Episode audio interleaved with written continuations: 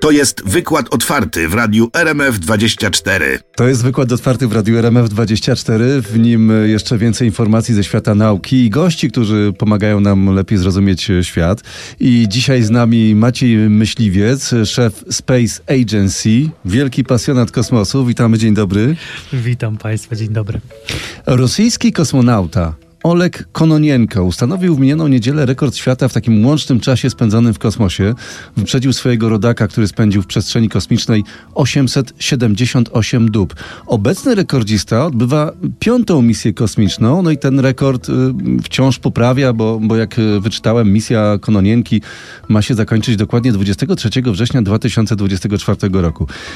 Czy w takim razie te lata spędzone w przestrzeni kosmicznej y, będzie mógł sobie Rosjanin jakoś inaczej y, policzyć w życiorysie?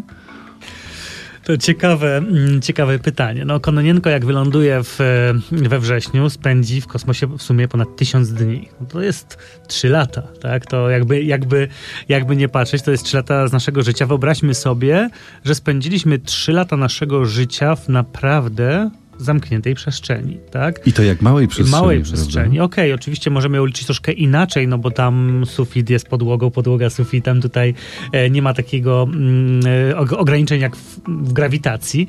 Natomiast jednak to jest, e, to jest sytuacja, w której on spędza czas w zamkniętej przestrzeni, w głośnej przestrzeni przede wszystkim, w ciasnej, z dużą ilością ludzi i cały czas w pracy. Natomiast mm, z punktu widzenia takiego kalendarza, nazwijmy to, zwykłego, to na pewno Oleg Kolnienko szybciej się starzeje, tak? To jest jakby pierwsza rzecz, ze względu na to, że po prostu y, pobyt w stanie nieważkości nie pozostaje bez wpływu na, na, nasze, na nasze zdrowie i na nasze życie. I oczywiście tak długotrwały pobyt, jak jego, czy wcześniej Gennadija Padałki, który był poprzednim rekordzistą, ma na celu mm, sprawdzenie, jak nasz organizm poradzi mhm. sobie z długotrwałymi lotami, a oczywiście chodzi tutaj przede wszystkim o podróż na Marsa, która ma potrwać, no właśnie, dwa lata sam lot, a y, jeszcze z 2-3 lata na, na, powierzchni, na powierzchni Marsa. A nam się wydawało zawsze, że ci, którzy podróżują w kosmosie, to jednak właśnie żyją wolniej niż my, że to my się szybciej y, starzejemy. Tak, tutaj wszystkie filmy typu Interstellar albo któreś, które tak, pokazują, genialny. że podróżują. Gdybyśmy podróżowali z prędkością światła, tak, y, to byśmy, to byśmy byli oczywiście mm, młodsi po powrocie. Tutaj kłaniają się chociażby dzienniki gwiazdowe, Stanisław Lem, całe, cała fantastyka i science fiction, e, no na tym etapie, na naszym etapie rozwoju technologicznego jeszcze nie latamy niestety z prędkością e, światła, więc musimy brać pod uwagę to, że po prostu spędzamy ten czas no właśnie, w czasie rzeczywistym mhm. e, w kosmosie. Natomiast oczywiście pobyt w stanie nieważkości e, oznacza spadek masy mięśniowej, spadek masy kostnej e, oznacza bardzo duże narażenie na promieniowanie. To też trzeba o, tym, e, trzeba o tym pamiętać, dlatego że tutaj na Ziemi jesteśmy chronieni przez naszą atmosferę.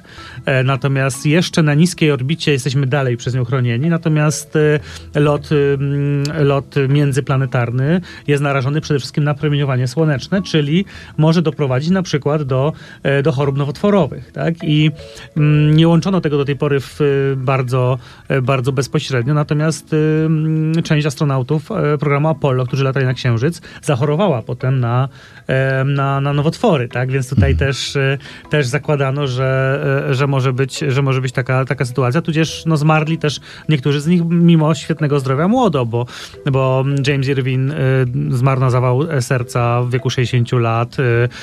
Ron Evans także, także wcześniej, wcześniej zmarł. Stuart Rossa też wcześniej zmarł. To byli wszystko astronauci, którzy spędzili czas w E, na Księżycu, właśnie na Księżycu i w okolicach. Czyli pobyt w kosmosie to nie jest dobry pomysł na to, żeby... Znaczy, uważam, to jest fenomenalny pomysł. Ja bym się spakował i dzisiaj i, e, i poleciał. Ale to nie jest dobry pomysł na, na długowieczność. na długowieczność może nie. Natomiast pamiętajmy o tym, że jest to mm, temat nieunikniony.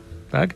E, bo e, sama podróż, e, sama podróż na, e, na Marsa jest dla nas nieunikniona. Czy chcemy, czy nie chcemy, jako ludzkość musimy polecieć na Marsa. Mhm. Albo dalej. Po co? Po to, żeby stać się gatunkiem co najmniej dwuplanetarnym, biplanetarnym, jak mówi mhm. chociażby Elon Musk, e, dlatego, że musimy e, znaleźć sobie alternatywę dla Ziemi. Musimy? Musimy, na wszelki wypadek, bo nawet jeżeli nie wykończymy sami naszej planety, tak, bo nas przybywa, pamiętajmy o tym, zasobów ubywa. Oczywiście, ok, jeszcze nie wymyśliliśmy nowego wykorzystania zasobów, które są wokół nas. Możemy oczywiście dostarczać zasoby y, z, mm, z Księżyca, czy właśnie z asteroid, y, czy z, y, czy z Marsa, jeżeli tam znajdziemy ciekawe, e, ciekawe zasoby. To będzie oczywiście bardzo dużo kosztować, ale z drugiej strony to będzie temat niezwykle dla nas, dla nas ważny. Natomiast chodzi o no właśnie, taką y, Planet B, czyli tą drugą planetę, która będzie stanowić pewnego rodzaju zabezpieczenie dla ludzkości. Bo oczywiście ja teraz powiem to, że mamy 4,5 miliarda lat mniej więcej, zanim nasze Słońce stanie się supernową i będzie po nas, tak? Ktoś powie, eee, to jeszcze kupa czasu, na co nas to obchodzi, tak? Przecież tyle ma Ziemia mniej więcej, tak? Ale z drugiej strony pamiętajmy o tym, że to znaczy, że musimy znaleźć w ciągu tych lat w ciągu tego czasu, musimy znaleźć miejsce, w którym ludzkość przetrwa. I to już nie jest taki żarcik, no bo jeżeli nie, no to wszystko, wszystko pójdzie do śmieci, cała ludzkość, tak? Tego byśmy nie chcieli. Ale oczywiście mówimy o czymś dalekim. Natomiast na tym etapie tutaj, e, jeżeli chcemy eksplorować, jeżeli chcemy znaleźć nową, e, nowe miejsce, nowy przyczółek ludzkości, no to musimy tą ziemię prędzej czy później mm, opuścić w jakiś sposób. Ja nie mówię, że to będzie nasze pokolenie, na pewno nie. Pokolenie naszych dzieci też jeszcze pewnie nie będzie opuszczać na stałe, tak? No ale za 100, 200, 300 lat być może będziemy już na Marsie, na, na przykład na, na którymś z księżyców Jowisza, nie wiemy tego, tak? Może będziemy mieszkać na planetoidach. Tutaj się wszystkie, e, wszystkie e, science fiction filmy i książki kłaniają. Natomiast na tym etapie naszego rozwoju, na którym jesteśmy, e, badamy wpływ długotrwałych lotów kosmicznych na, na organizm człowieka. I jakie one jeszcze są? No właśnie. No właśnie. E, promieniowanie powiedziałem jedna rzecz. Spadek masy mięśniowej. E, jeżeli m, kiedykolwiek widzieliśmy jakiekolwiek filmy na przykład ze stacji kosmicznej, zwróćmy uwagę, jak bardzo dużo czasu poświęcają na ćwiczenia astronauci. Tak. Na bieżniach, na, na rowerkach, e, wszystkie, e, wszystkie mm, ćwiczenia mięśniowe. Po co? Po to, żeby te mięśnie działały. No bo wyobraźmy sobie, teraz sobie siedzimy tutaj w studiu, przygniata nas grawitacja, siedzimy na krześle, na, na szczęście krzesło mamy wygodne. Nie powiem, że mamy je wygodne dlatego, że ktoś wymyślił kiedyś dobrą piankę memory, e, która powstała na potrzeby foteli w e, statkach kosmicznych, ale powstała po to, żeby się przy przeciążeniach lepiej ta, ten, ten ciężar rozkładał i dzięki temu nasz ciężar też się teraz dobrze rozkłada. A jest on zwiększony, bo przecież za nami tłusty czwartek i ilość pączków zjedzonych e, tutaj, przygniata nas. E, takich badań nie było na ilość, wpływ ilości pączków na astronautów, ale, ale myślę, że można byłoby też to kiedyś przebadać. Natomiast, a astronauci w kosmosie e, jedzą pączki w ogóle? Mogą jeść pączki, to zaraz do tego przejdę a propos właśnie ciekawej diety. Natomiast y, ćwiczą, poza tym y, tak naprawdę y, mają, znaczy może im grozić osteoporoza, tak? Też związana z tym, że po prostu nie korzystamy Y, z naszej masy mięśniowej, z naszego ciężaru. No jesteśmy, nasze kończyny są bezużyteczne w dużym, e, w dużym skrócie, jeżeli chodzi o poruszanie się, ale z drugiej strony są potrzebne do przepychania się, do odpychania się, do łapania, łapania rzeczy, więc tutaj pod tym względem jak najbardziej. Natomiast e, no sama kwestia też e, no właśnie naszej czystości, higieny, diety. No wyobraźmy sobie, że tak naprawdę człowiek przez rok, taki Olek Kononienko, dobrze się nie umyje tak? Mokre chusteczki, minimalna ilość wody. Pamiętajmy o tym, że woda też e, w dużej mierze na stacji mm, kosmicznej jest od zysku, czyli jest po prostu przerobionym moczem astronautów na wodę, tak? Tutaj trzeba się do tego, do tego przyzwyczaić. E, posiłki, które dostarczane są z Ziemi są zdzielifilizowane, czyli są pozbawione wody, uzupełnia się je o wody, podgrzewa się, więc ta dieta też nie jest dosyć urozmaicona, aczkolwiek mhm. każdy każdy astronauta, który jedzie, e, czasami e, są dostarczane takie, nazwijmy to, mm, quality paki, takie, żeby dostarczyć coś dobrego do, mhm. do jedzenia, na przykład na urodziny, czy na jakieś święto dziękczynienia, czy na święta, gdzie faktycznie dostarcza się Czyli do jedzenia troszkę lepszej i torty? Jakości. No też w określonej formie, ale na przykład jak Thomas Pesquet, francuski astronauta, był, był na stacji na ISS, Ostrygi? to dostał, dostał, dostał sery prawdziwe e, francuskie sery. I jest takie słynne zdjęcie, jak on po prostu mu się oczy świecą, on się tak strasznie cieszy, bo dostał prawdziwy ser w ładunku, zamknięty, tak? Nie odwodniony, prawdziwy kawałek prawdziwego sera. Oczywiście ktoś zadał pytanie, jak potem ten zapach tego sera usunęli e, z obiegu, ale tej filtry sobie musiały poradzić. Natomiast e, no, dieta też, też, jest, o, o, też musi być bogata w określone składniki, bo pamiętajmy o tym, że brakuje nam światła, tak? Brakuje nam e, też świeżego, świeżych witamin witamin, tak, to jest niezwykle e, istotne. Oczywiście jest hodowane są, mm, e, hodowane są e, mm, produkty.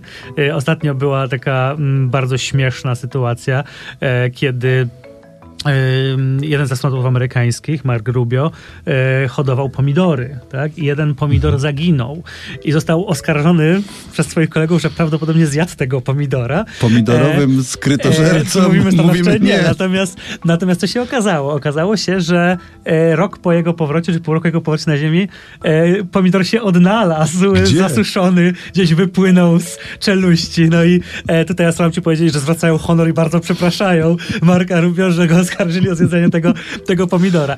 Oczywiście e, to są... E, potraktujmy życie na stacji e, troszkę jak takie życie codzienne. Tak? Astronauci o tym często mówią. Lecimy w kosmos do pracy. I nawet Oleg Konianienko to powiedział, że on po prostu lubi latać w kosmos, dlatego on nie myśli o tym, ile czasu tutaj, tutaj spędza. Oczywiście ten czas jakby liczy się zupełnie inaczej. Pamiętajmy o tym, że astronauci na ISS codziennie widzą 16 wschodów i zachodów słońca. Mhm. Tak? To jest oczywiście jest 16 krótkich, e, krótkich dni. Natomiast y, pracują po. Y, Ale dni i godziny nie liczą się inaczej. Nie liczą się. Znaczy czas na. Y, to jest taka ciekawostka, że czas na ISS jest liczony w czasie uniwersalnym, czyli GMT, czyli czasie Greenwich dawnym. Mhm. Więc, tutaj, więc tutaj to jest ustalone, więc nieważne, czy jesteśmy ze Stanów, czy jesteśmy z Rosji, czy z Japonii, musimy w tej strefie czasowej jakby operować. To jest jakby dla wygody też astronautów, no bo każdy z każdego kraju by inaczej, inaczej operował. Natomiast mają swoje zmiany, mają swoje czasy czas pracy, mają swój czas dla siebie, tak? E, oczywiście ten czas... A czas pracy ile wynosi?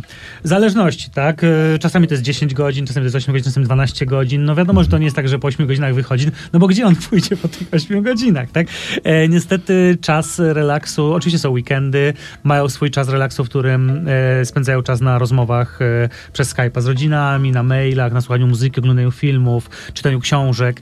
Tylko, że jak się popatrzymy na przykład w te moduły, takie nazwijmy osobiste, mieszkalne, to jest taka klateczka wielkości, mm, no właśnie tutaj dla młodszych, dla młodszych e, słuchaczy, budki telefonicznej, tak? Czyli, co to jest budka czyli, no telefoniczna? Właśnie, to jest budka telefoniczna? Czyli to jest takie naprawdę nieduży, mm, nieduże pomieszczenie, w którym mieści się tak naprawdę jedna osoba plus y, jakieś tam jego rzeczy mogą być w takich półeczkach przy, na, na rzepach przyczepione do, do ścian. Y, rewelacyjnie można to zobaczyć właśnie w ośrodku szkolenia astronautów, wejść, zobaczyć ile to jest własnej przestrzeni. To jest, to jest niesamowite, bo ta prywatność jest też ograniczona, więc ten lot oprócz takich, takich stricte medycznych rzeczy, to też jest deprywacja e, psychologiczna, deprywacja sensoryczna. Nie jesteśmy w stanie wyjść na zewnątrz, odetchnąć świeżym powietrzem. E, dlatego no, tylko najbardziej wytrwali lecą, lecą w kosmos. Trwa wykład otwarty w radiu RMF24. Mówiliśmy o tym e, Olegu Kononienko, e, najnowszy rekordzista. Przypomnę, wychodził sześć razy w otwartą przestrzeń kosmiczną, gdzie spędził łącznie 39 godzin i 54 minuty. Czy rzeczywiście u astronautów, którzy no, bardzo długi czas e, spędzili w stanie nieważkości, z dala od ziemskich warunków, odnotowano jakieś zmiany w funkcjonowaniu organizmu? No, na pewno po powrocie e, z takich misji są przedmiotem takich bardzo szczegółowych badań. Absolutnie, muszą być. E, znaczy, przede wszystkim są w czasie misji e, po, poddawani badaniom. Bardzo często to jest kwestia analizowania ich działania ich organizmu na każdym, na każdym poziomie. Oczywiście to nie jest to na poziomie takim nieprzerwanym jak kiedyś, na przykład w czasach misji Gemini czy Apollo czy Skylab Zresztą właśnie mm, w tym tygodniu 8 lutego mm, miała miejsce 50. rocznica zakończenia tak naprawdę obsługi pierwszej amerykańskiej stacji kosmicznej, czyli Skylab. Załoga, załoga wróciła wtedy wówczas po rekordowych 84 dniach. Co to jest przy tych 878 tak. teraz, nie? Natomiast, oczywiście nie bez przerwy na szczęście. Natomiast to jest przede wszystkim badanie działania naszego układu krwionośnego. Pamiętajmy o tym, co jest niezwykle, e, niezwykle istotne, że jak nie ma grawitacji, to też zmienia się w ogóle przepływ y, krwi w organizmie, bo cała krew idzie do głowy w tym momencie.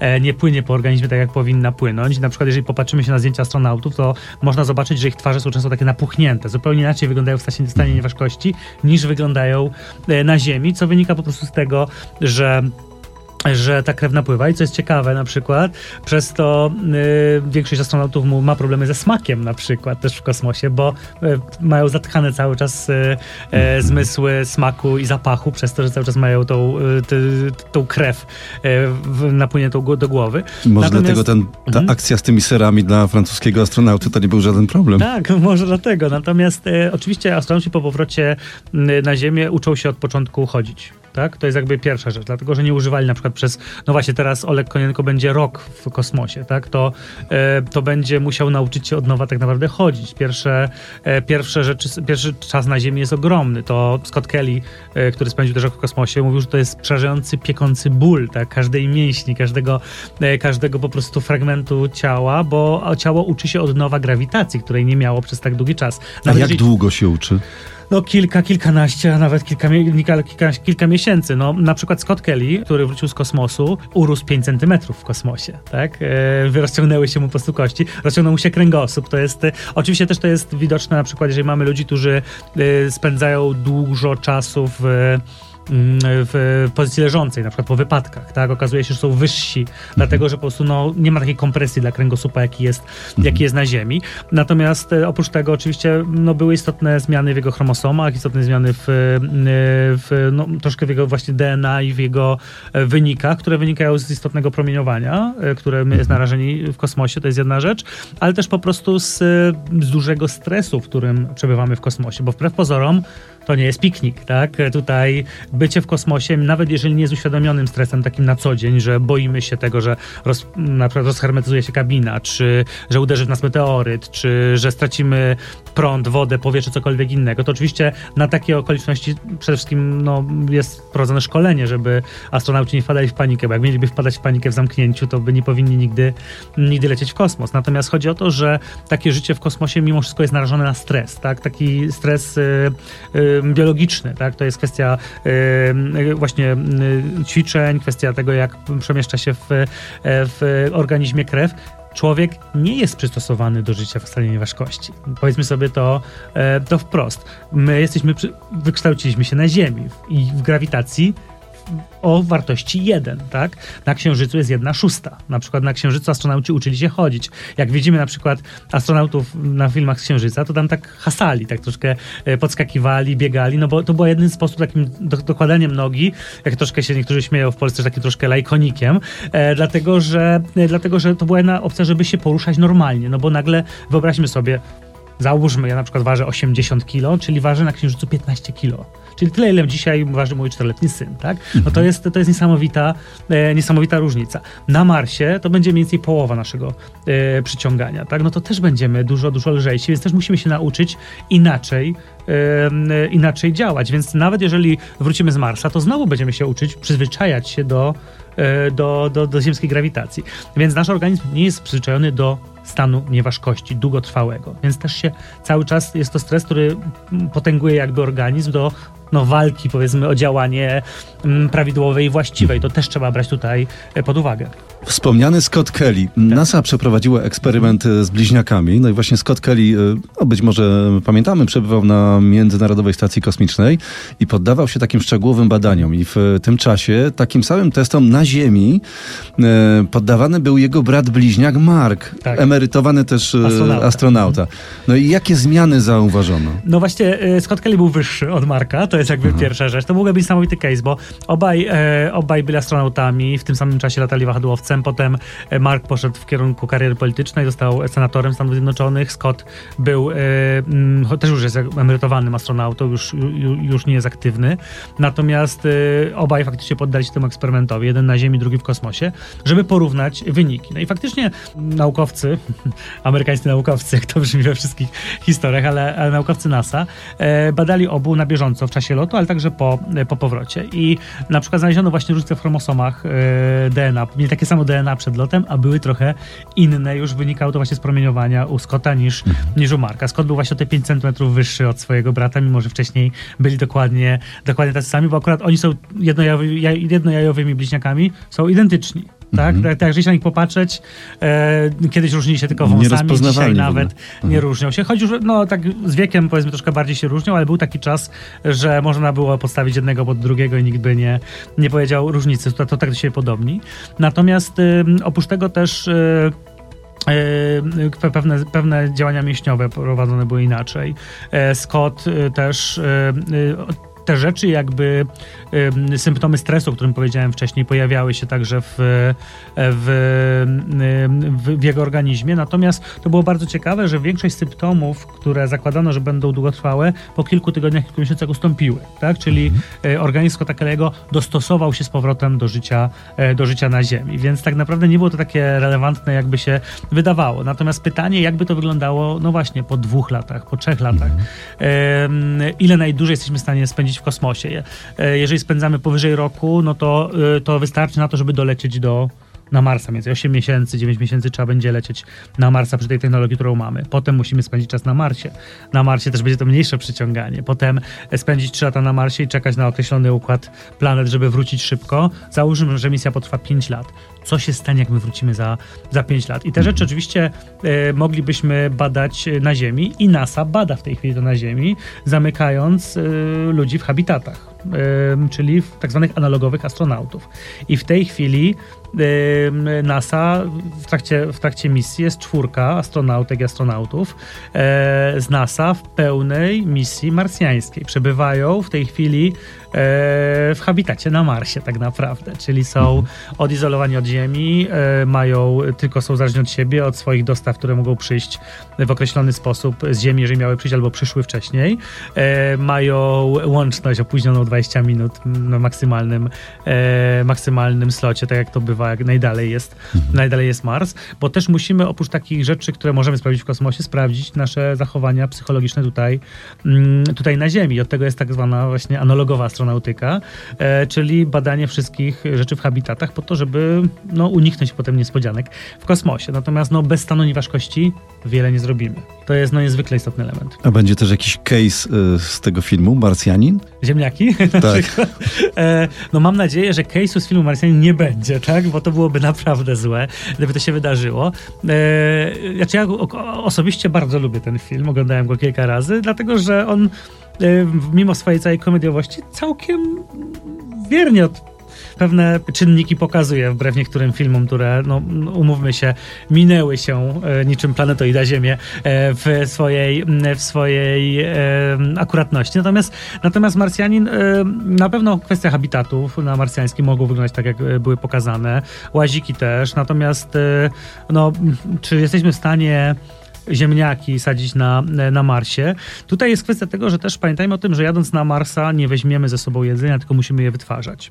To jest bardzo, bardzo ważne i to, jest, to też to ćwiczy się na, mhm. na, stacjach, na stacjach orbitalnych. Dlaczego?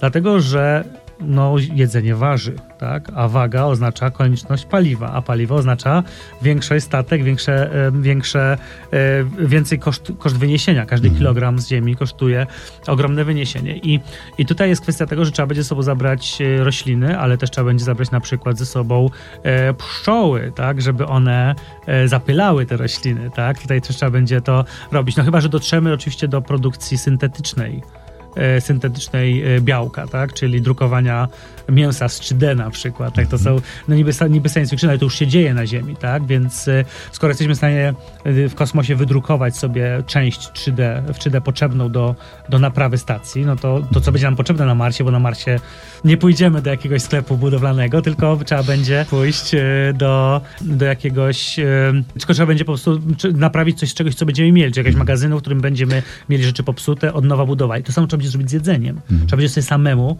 to jedzenie wyhodować z rzeczy, które będą, bo nie wystarczy nam zapasów. Oczywiście zapasy będą, ale potrzebne jest też, żebyśmy tam zostali, musimy sobie stworzyć jedzenie. A czy pszczoły też się wynosi w kosmos? Bada tak, się na tak, stacji jest, kosmicznej? E, e, pszczoły, na przykład w ogóle jest, e, jest jedna świetna dziewczyna w Polsce, która analizuje zachowanie pszczół w lotach suborbitalnych, w ogóle w lotach rakietowych, dlatego, że to jest niezbędne do tego, żeby sprawdzić, czy one sobie poradzą w, wyniesieniu na orbitę, tak? Mhm. Ogromny stres, przeciążenia, to też ma tutaj znaczenie. E, widać, no w wielu misjach były zwierzęta w różny sposób. Nie mówimy tutaj tylko o, o biednej łajce, która została wyniesiona przez, e, przez, przez Związek Radziecki w 1957, tylko mówimy o wszystkich tych rzeczach, które są nam potrzebne do tego. Bo to, że oczywiście weźmiemy myszy, no do czego nam będą potrzebne myszy? No na razie do niczego, tak? E, natomiast e, zapylanie, zapylanie roślin jest niezwykle ważne, tak? E, bio, biosynteza, tak? Bardzo często będą nam potrzebne też na przykład mm, pająki, które mogą zjadać potencjalnie na przykład powstające mm, szkodniki, tak? No, to, jest, to, to, jest, to jest cały ekosystem, który musimy ze sobą zabrać, tak? A jak pszczoły to znoszą? Y, prze, przeżywają, tak? Y, to tutaj jest niezwykle, niezwykle istotne, mm, y, że przeżywają te przeciążenia, no bo są, są nam potrzebne, tak? To jest kwestia, no, no właśnie, na początku zapylano na przykład pszczołą na, na szpilce, tak? Natomiast fajnie było, że te pszczoły były żywe, tak? To jest niezwykle istotne, będą potrzebne, żeby swoją rodzinę całą zabrać, bo z tego będziemy mieli też miód, będziemy mieli możliwość zapylania, będą zbierały nektar, no będzie zupełnie inna sytuacja, więc... Ogromny będzie ten statek, który poleci no na Marsa, nie, coś takiego się nie, wydaje. Właśnie nie, no. Cały czas mówimy o tym, że ten Starship, czyli to, co buduje teraz SpaceX, e, to będzie to, co poleci na Marsa. To jest duża rakieta, natomiast e, sam statek sobie nie jest ogromny. No i właśnie, znowu to jest malutka rakieta, która pomieści na przykład sześcioro astronautów przez ileś miesięcy w jednej, e, w jednej puszce, więc to też trzeba brać pod uwagę tutaj kwestie psychologiczne, tak? Mm. Oleg Konienenko, yy, oprócz tego, że spędza ileś czasu w kosmosie, jest zdrowym człowiekiem, zdrowym astronautą, kosmonautą, e, oprócz tego też musi mieć bardzo silną, każdy z nich musi mieć bardzo silną yy, odporność psychiczną, tak? E, I też bada się oczywiście ich predyspozycje do współpracy z innymi astronautami, te załogi dobiera się też po, e, po pewnym... Mm, temperamencie, tak, żeby oni no nie irytowali się, no bo nie oszukujmy się, jak no, na przykład nas ktoś irytuje, to możemy wyjść z pokoju, tak?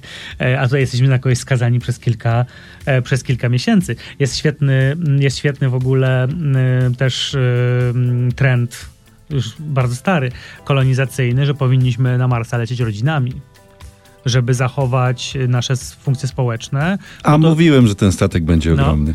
Żeby nie było, żeby nie było deprywacji też od bliskich, tak? No bo mhm. który, która osoba mając rodzinę zniknie na 5 lat, tak? nie wbrew sobie, tak? Mm. Bo na przykład wnikają ludzie na 5 lat, jak popełnią przestępstwo czy coś, tak? Ale tutaj mówimy o sytuacji, w której ktoś świadomie leci na Marsa na 5 lat, zostawiając na przykład swoją żonę, dzieci, bliskich. No, no nie wyobrażam trudne, sobie. Tak?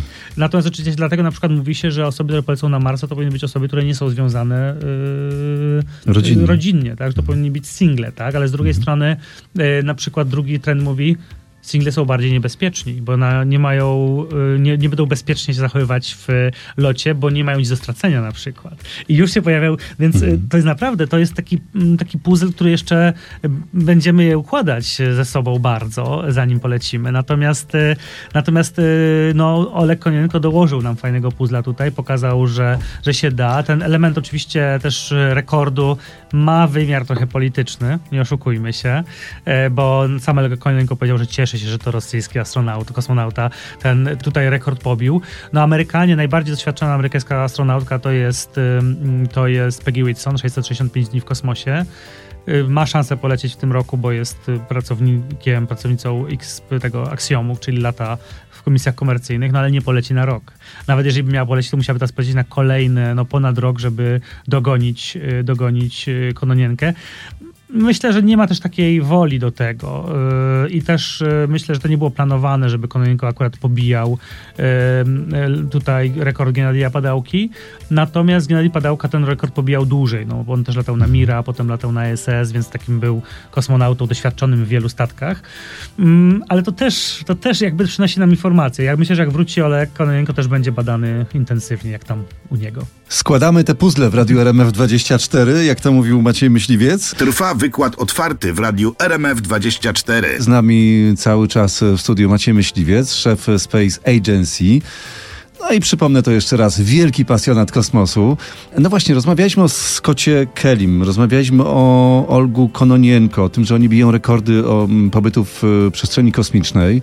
Rozmawialiśmy też o Marsie. Czy w związku z tym ludzie przeżyją taką podróż na Marsa?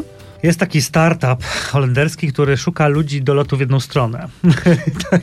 Zgłosiło się to kilka tysięcy wiele. osób, tak.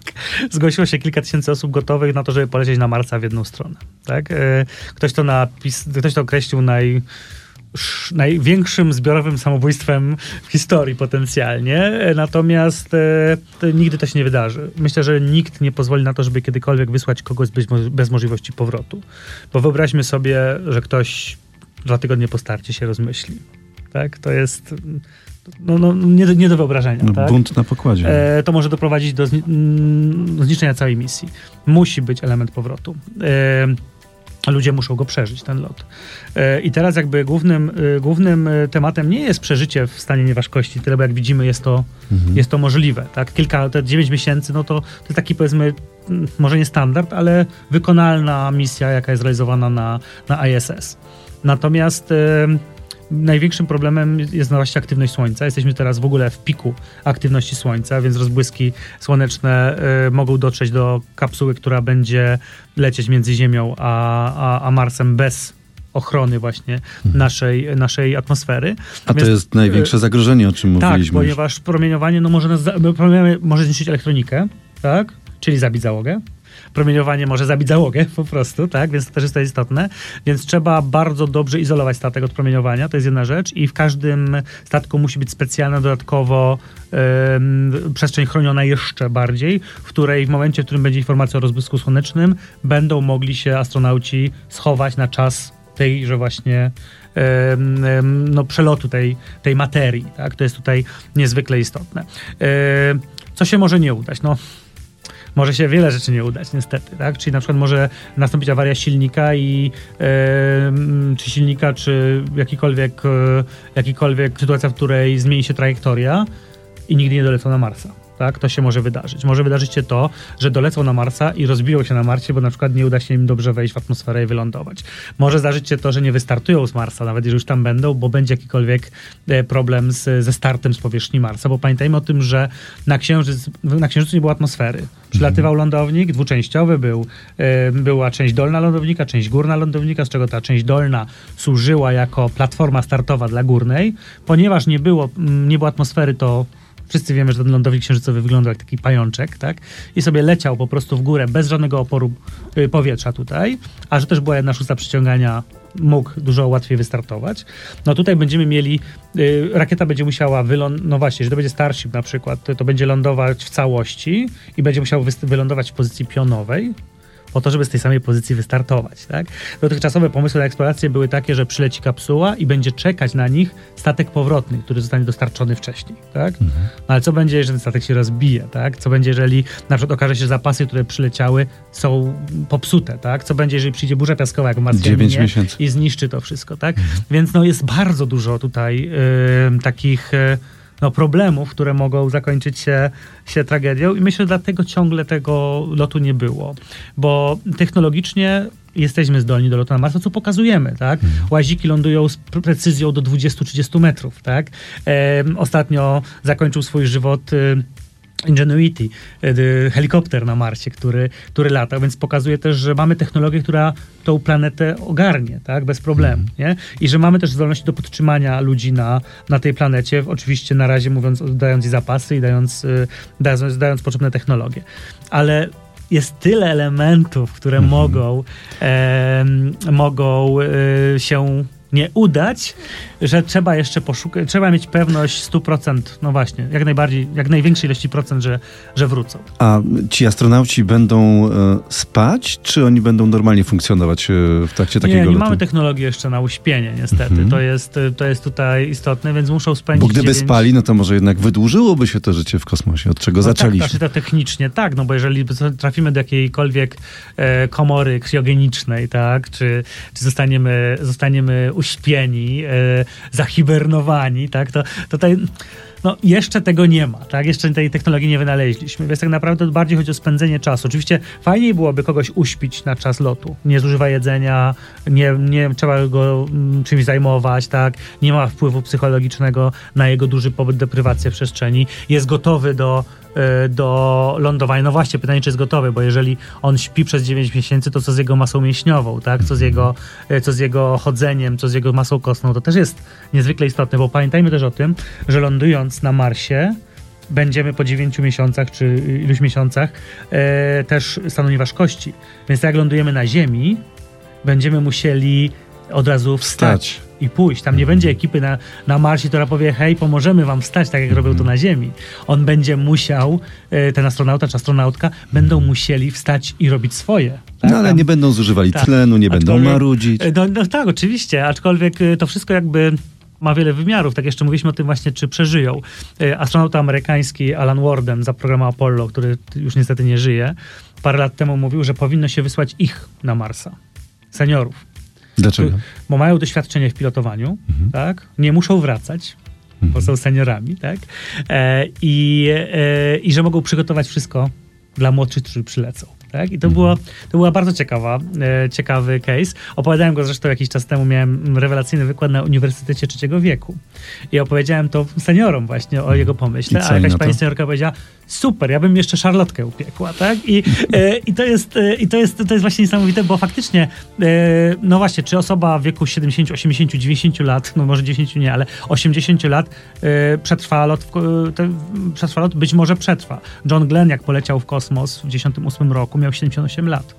Jest najstarszym, no właśnie, był najstarszym człowiekiem. W tej chwili liczy się e, Wally Funk wystartowała na, e, na Blue Origin, czyli na taki lot suborbitalny. Była jedną z tak zwanej Mercury 13, czyli astronautek, które były wybrane do lotu przez Kennedy'ego za czasów, e, za czasów programu Mercury, ale został ten program zawieszony, jak Walentyna Tyryszkowa poleciała. Nie trzeba było już politycznie wysyłać kobiet, więc zawieszono niestety program Mercury 13. Natomiast Jeff Bezos zabrał ją w kosmos kilkadziesiąt lat później, 60 lat później ją zabrał e, i ona, ona jest najstarszą w tej chwili e, osobą, która poleciała w kosmos. William Shatner, kapitan Kirk ze Star Treku poleciał w wieku 90 lat w kosmos też e, w locie suborbitalnym, więc widzimy, że te osoby, biorąc pod uwagę, że pamiętaj o tym, że się starzejemy, nie tylko my, ale całe społeczeństwo się starzeje, z tymi seniorami, którzy by polecieli w, przygotować wszystko dla młodszych, może być rozwiązaniem. Ile ludzi jest w tej chwili w kosmosie? To jest właśnie bardzo dobre pytanie. Kilkanaście osób. E, na pewno w tej chwili w kosmosie jest Markus Wandt, pierwszy europejski astronauta projektowy, czyli, e, czyli z tego najnowszego draftu, który poleciał na projektową misję, taką samą jak poleci nasz polski astronauta, Sławo Żuznański. A więc to są trzy osoby z Aksjomu. Na stacji powinno być w tej chwili 8-9 osób. No zakładamy, że 12-13 osób plus Chyba chińska załoga też w tej chwili e, jest w kosmosie. No załóżmy kilkanaście osób w tej chwili jest w kosmosie, ale przyznam szczerze, że, e, że nie powiem dokładnie. E, załoga Axiom już powinna lądować kilka dni temu, natomiast na razie rekordowa liczba w historii to było 14 osób naraz, tak? I to było bardzo, bardzo dużo w 2021 roku. No załoga, znaczy ISS może pomieścić te 12 osób bez problemu. Nie wszyscy zostaną wtedy tą, tą kajutę, o której mówiłem wcześniej, ale jest w stanie po, po, po, pomieścić taką liczbę osób. E, nie znamy tak naprawdę zdolności chińskich produktów tutaj kosmicznych. Mhm. Wiemy, że po dwie, trzy osoby mogą być na, w tej chwili na, na, na stacjach, na tych Tiangongach. Natomiast e, to jest program, który jest bardzo taki cichy, tak to nazwijmy. Jest ukryty jak kiedyś program sowiecki, więc ja myślę, że mogą nas zaskoczyć w najbliższym czasie mhm. Chińczycy, no bo właśnie też nie wiemy, kto pierwszy poleci na Księżyc, czy Chińczycy, czy Amerykanie. Amerykanie mhm. opowiadają, kiedy polecą na Księżyc, a w tym czasie Chińczycy lądują na przykład automatyczną sondę na ciemnej stronie Księżyca, czyli też e, rozwijają swój program bardzo, bardzo intensywnie. A tu jeszcze Indie. E, no i Indie, którzy twierdzą, że wyślą w najbliższym roku e, swoich astronautów, więc wyrasta potęga. No i oczywiście sektor prywatny, o tym, o tym pamiętamy pamiętajmy. Mhm. Czyli w tym roku czeka też, czeka nas, mam nadzieję, że się uda, rewelacyjna kolejna prywatna misja y, SpaceX y, na bazie Inspiration 4. To będzie naj, misja, która najwyżej poleci w ogóle od czasów Apollo, najdalej od Ziemi i wykona pierwszy komercyjny spacer kosmiczny właśnie. I e, Jared Isaacman, który leciał w Inspiration 4, poleci drugi raz w kosmos i zabierze całą tak naprawdę ekipę ze SpaceXa, którzy pracowali przy poprzedniej misji, więc też zabiera, e, można powiedzieć, nagrodę trochę świetnych specjalistów i naprawdę dzieje się w tym roku bardzo dużo w kosmosie, choć ja najbardziej czekam na lot Sława Szołznańskiego. Za to trzymamy mocno kciuki. W którą stronę patrzeć na niebo w lutym, żeby wypatrzeć Międzynarodową Stację Kosmiczną? Są trackery, które to, to pokażą. Trzeba by zobaczyć, czy faktycznie w lutym przeleci nad Polską, bo ta trajektoria jest określona. E, zawsze e, warto patrzeć, e, no przede wszystkim trzeba patrzeć no nie nad Krakowem, to tutaj bardzo mi jest przykro, nie? Trzeba Mhm. wyjechać trochę za miasto, dlatego że w ogóle nad Polską nie ma już czystego nieba, tak? niezanieczyszczonego światłem i to jest, to jest niezwykle istotne. E, trzeba szukać dobrych miejsc. Ja mieszkam akurat pod Krakowem i mam troszkę ładniejszy e, widok na gwiazdy. Widzę ich znacznie więcej niż w mieście, bo jest u mnie Ale się chwali. ciemno. Ale i tak nie jest tak, jak być powinno, niestety. E, najlepiej pojechać gdzieś w dalek, dalekie rejony Bieszczad, e, na przykład do Puszczy Białowieskiej, tam będzie troszkę najlepiej. Najlepsze niebo, jakie widziałem, to widziałem na, na północy Szwecji, to było po prostu coś niesamowitego. Natomiast pamiętajmy o tym, że leci z zachodu na wschód. Stacja kosmiczna wysoko nad horyzontem, nie nisko nad horyzontem, no to najlepiej ściągnąć sobie aplikację, z, mm, na, czy popatrzeć na stronę tak zwany ISS Tracker, pokaże nam dokładnie, gdzie ją szukać. Wyjaśniał Maciej Myśliwiec, szef Space Agency, pasjonat e, kosmosu. Rozmawialiśmy między innymi o tym, jak płynie czas w kosmosie. Mam nadzieję, że słuchacze Radio RMF24 spędzili bardzo miło ten czas. Też mam taką nadzieję. Słuchając e, Macieja Myśliwca. Bardzo dziękuję za ten wykład otwarty w Radiu RMF24. Ja też dziękuję serdecznie i do zobaczenia.